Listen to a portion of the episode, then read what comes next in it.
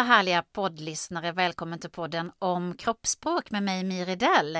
Podd nummer 19 och jag har tänkt idag att tala om en, det som är en stor del av, av den icke-verbala kommunikationen, nämligen din röst. Det är självklart viktigt vad du säger med det talade ordet. Men hur rösten låter är också viktigt. Man brukar säga att rösten är ditt hörbara jag. Så hoppas att du tycker att det här ska bli ett intressant avsnitt. Vi är ofta väl medvetna om hur andra låter, i synnerhet om det är någon som har något fel på rösten som vi blir irriterade av. Och de felen som vi stör oss på mest är om någon mumlar, det tycker vi inte om, eller om någon talar monotont så här, det tycker vi också är väldigt jobbigt. Och eh, tunna pipiga röster kan ju ge bilden av att personen är barnslig eller osäker. Pressade röster kan ge bilden av att en person är arrogant och så vidare. Men det kan ju helt enkelt vara så att personen är hes. Rösten säger väldigt mycket. Och jag har ju dialekt, jag är från Blekinge, Karlskrona. Där pratar vi så här med tungrotsärren. Eh, och jag tycker att dialekter är någonting vi verkligen ska värna om och där säger vi ju blixtsnabbt icke-verbalt var vi kommer ifrån med våra eh, dialekter. Däremot har jag märkt, och forskare är också överens med mig eh, och jag med dem, att många människor är totalt omedvetna om hur de själva låter. Och speciellt nu när folk hör sin röst inspelad och sin röst i de här digitala mötena och så vidare, så tycker man att man inte känner igen sig själv på rösten. Och det är ju helt sant.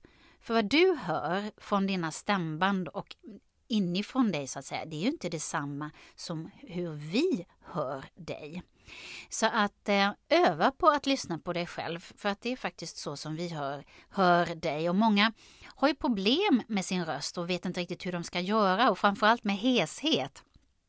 För om man inte är van vid att tala länge inför andra så eh, när man blir trött så kanske man ökar röststyrkan, man pressar på på stämbanden och, och pressar och pressar tills man till slut blir hes. Men om man är tränad eh, vid att tala inför andra, då eh, lär man sig att tala med magstödet. Och hur gör man det då? Ja, ett tips det är att helt enkelt börja i kör. För då får man lära sig hur man eh, ökar påblåset och rösten blir stabil och klangfull och fri från knarr. Eh, och eh, så kan man ta hjälp av då talpedagog om man har riktiga problem.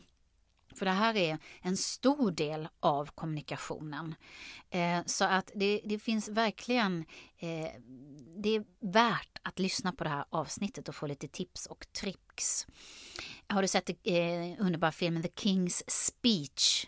Där får ju kungen, det är ett fantastiskt exempel på att övning och såna talövningar ger färdighet. Han hade ju dessutom problem med att stamma. Och jag har problem, jag har en ganska ljus röst. Jag har fått jobba väldigt mycket med den. Jag är fortfarande en ganska ljus röst, men jag får ju jobba med att försöka få ner mitt talläge till en behagligare ton. Och det gör jag innan jag ska framträda, då gäspar jag. Då åker struphuvudet sakta ner och på så sätt får jag ner röstens tonläge till en behagligare ton för er att lyssna på. Faktum är att Margaret Thatcher sägs ha haft samma problem med en alldeles för ljus och pipig röst. Men hon fick hjälp med att sänka sitt tonläge. Man skickade damen till USA faktiskt, till en talpedagog där. Och då sänkte de hennes tonläge markant med olika eh, övningar. Och hon kom ju ner, hon pitchade ner sin röst eh, med hela 46 hertz genom talövningar. Så hon kom tillbaka och hon talade väldigt mycket så här. Kanske inte så ja, vissa kanske tycker att det låter bra. Jag tycker väl att det låter lite väl manhaftigt. De sa ju om henne att hon var the only man in the parliament under hennes tid. För hennes pitch, den hamnade ju någonstans mellan en normal kvinnas och en mans faktiskt på hennes mörka röst. Män har ju en fördel där genom att mäns stämband är längre och de vibrerar långsammare. Så på automatik så gör ju det att mäns röster blir djupare och då upplever andras stenåldershjärnor, din, min, alla andra som lyssnar, den här rösten då, en djupare rösten som seriösare och tydligare och mer pondus. Det är väldigt orättvist men tyvärr sant. Vad händer när en person blir stressad då?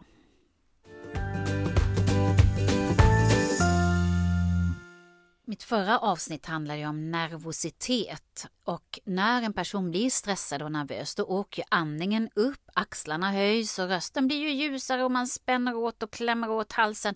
Och en ljus och pressad röst blir ju ännu ljusare. Åh, och det blir helt olidligt att lyssna på och, och andningen och allting.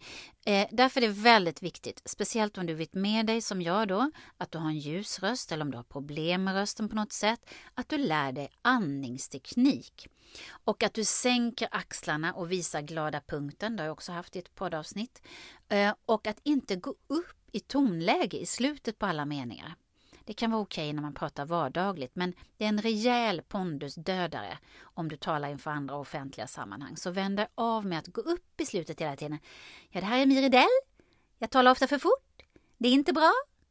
Eh, utan, heter Miridell. Jag talar för fort och det är inte bra. Att man går ner och verkligen talar tydligt. Ja, det är ju faktiskt så att jag talar ju väldigt, väldigt fort och snabbt prat kan ju verka väldigt forcerat och stressat. Och det kan ju ge intrycket av att den som talar då är bråttom eller nervös. Och då missar ju de som lyssnar eventuellt det man säger och i värsta fall så förlorar de intresset eftersom de inte hänger med i mitt tempo. För min del är det någonting jag jobbar med eh, och det här med att jag talar snabbt och rappt är ju en del av min personlighet. Eh, men jag försöker när jag föreläser och talar inför andra att lägga in pauser och ha lite långsammare partier också. Och när jag talar med en mörkare röst då sänks ju mitt taltempo per automatik. Men personligen så tycker jag det är fruktansvärt att lyssna på någon som talar för långsamt. Då tappar jag intresset. Och sen läste jag en spännande studie som gjordes på en radiokanal där reklamrösten spelades olika fort för en testgrupp. Och när de höjde talhastigheten till eh, upp till 125 procent, då tyckte åhörarna att reklamrösten som talade så där fort, den lät kunnigare, klokare och tada, ärligare. Och de tyckte även att det som den här rösten sa var mer medryckande. Så att tala snabbt, det kan ju liksom mm, verka värdelöst på vissa, eh, i vissa sammanhang, men på andra håll, till exempel i Korea enligt min research, är det tvärtom. Sant eller inte, eh, jag får gå tillbaka till min källa och, och, se trovärdigheten, men det sägs faktiskt att det kan finnas kulturella skillnader i vad man antar vad man tycker är ett behagligt taltempo. Vad har jag för tips då? Ja, oavsett om du är en sån här snabbpratare som jag eller en som pratar väldigt långsamt så är det viktigt att du varierar dig när du talar, och speciellt om du talar från scenen.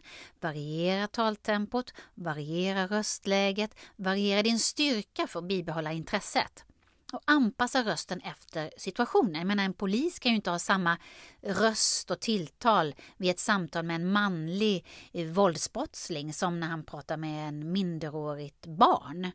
Eh, så att det kan ju verka självklart men tyvärr så sker sådana här misstag ibland och då kan upplevelsen hos de man talar med bli eh, väldigt olika. Eh, till exempel hörde jag av min undercover-poliskollega att om man har ett förmyndigt eh, tonfall till exempel till ett minderårigt kvinnligt våldtäktsoffer så kan upplevelsen hos den våldtagna kvinnan då bli att själva utfrågningen känns som ett ytterligare övergrepp. Så att nyanserna i rösten är väldigt viktiga. Hur vi blir tilltalade och hur vi tilltalar och vad vi använder för sorts röster. Speciellt när vi talar till andra som är utsatta och sårbara.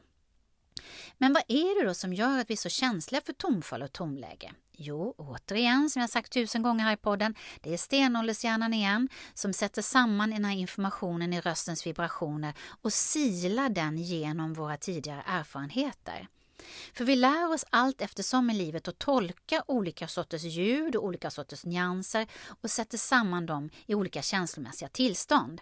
Så det undermedvetna kan uppfatta en viss tvekan eller en falsk ton eller en liten antydan till suck och, och reagera på det beroende på tidigare erfarenheter.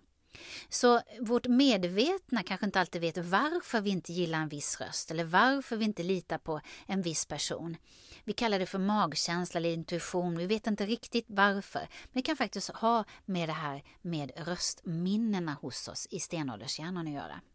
Telefonförsäljares röst, de är ju väldigt, väldigt viktiga. I en undersökning så testade man att telefonförsäljarna skulle följa kundernas taltempo. Så med de som talade långsamt skulle de tala långsamt och med de som de ringde till som talade fort, då skulle de tala fort. Alltså helt enkelt härmas, att spegla och skapa rapport. Eh, och det är den här spegelneuronen igen, att man speglar. Och de kunderna de talade med, de kände sig väldigt bekväma sen i utvärderingen med de som talade i samma taltempo som de själva. Alltså bekväm känsla hos dem som man säljer till, mer köplust, väldigt enkel matte. Och de säljare som dessutom adderade ett leende i telefonen när de talade med kunderna, de visade ännu bättre resultat. Du hörs på rösten om du ler i telefonen. Det är sant. Så mitt tips är att kombinera både taltempot med den du eh, kommunicerar med och så lägger du på ett leende, då lär du bli helt oemotståndlig. Som jag sa inledningsvis så är ju rösten vårt hörbara jag och extra känsliga på förändringar i rösten är vi med dem vi känner väl, våra nära och kära. Då har man ju direkt på rösten hur personen mår om, man frångår sitt vanliga tonfall och sina vanliga nyanser. Men min älskade mamma, hon kunde alltid höra på rösten hur jag lät. Vi hade ju telefonen som kommunikationsredskap väldigt länge eftersom vi hade många mil emellan oss. Men hon kunde ju höra direkt på rösten hur det var. Hur är det egentligen? Och det är ju faktiskt så att rösten är väldigt spännande och unik som ett fingeravtryck. Kunder på Barclays Wealth and Investment, de kan nämligen få sin identitet verifierad automatiskt på 20 sekunder mot den röstbank som banken har från tidigare samtal. Den här tekniken som de använder heter Free Speech och den analyserar alltså aspekterna i rösten. Och det kanske är så i framtiden att vi helt enkelt slipper komma ihåg alla pinkoder och pukoder och sifferkombinationer och sådär och bara kan identifiera oss med hjälp av våra röster. Det är mycket spännande, så det kanske blir som vårt fingeravtryck eller vår iris-scan. Att man kanske helt enkelt bara använder rösten som är så otroligt unik och oefterhärmlig. En som verkligen hade en oefterhärmlig unik röst var ju Winston Churchill. Han hade nämligen ett talfel och det blev hans varumärke. Det var en kombination mellan läspning och stamning kan man säga om ni lyssnar på hans tal. Och i början av sin karriär då tog han tallektioner för att arbeta bort det här. Men sen så förstod han att hmm, det här blev ju hans signum, en liksom profilmässig tillgång. Så att när han skulle få en tandprotes, då sa han till tandläkaren eller de, här, de som tillverkar protesen att det var väldigt viktigt att hans karaktäristiska läten var kvar fast han hade fått den här tandprotesen. Så att tandläkaren hjälpte honom med det här och den här tandläkaren blev sedermera adlad faktiskt av Churchill. Ja, lite kuriosa.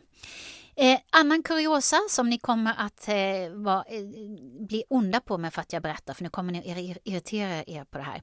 Det är nämligen så här att Många som är med i radio och tv nu för tiden, de får inga tallektioner. Eh, utan de gör det här rookie-misstaget att innan de börjar tala så, så smackar de. Så att, tänk på det när du tittar på tv ikväll, att precis innan så eh, presentatören ska sä säga någonting så Hej och välkomna! Nu ska vi prata om vädret. Och den här ovanan beror på att personen inte lärt sig hur man startar ett anförande utan börjar helt utan preparation.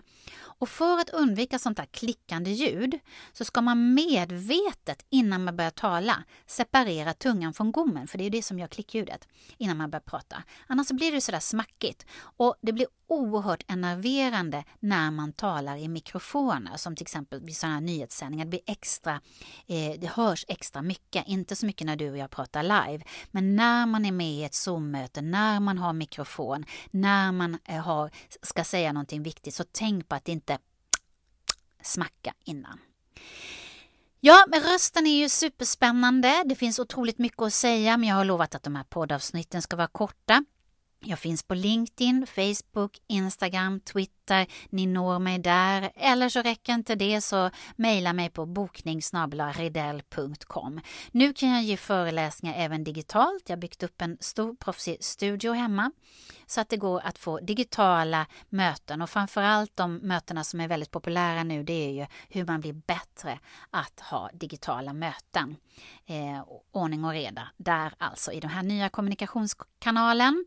Men eh, vi säger så för nu och så hörs vi nästa vecka med avsnitt nummer 20. Tills dess, kram på er, hej då!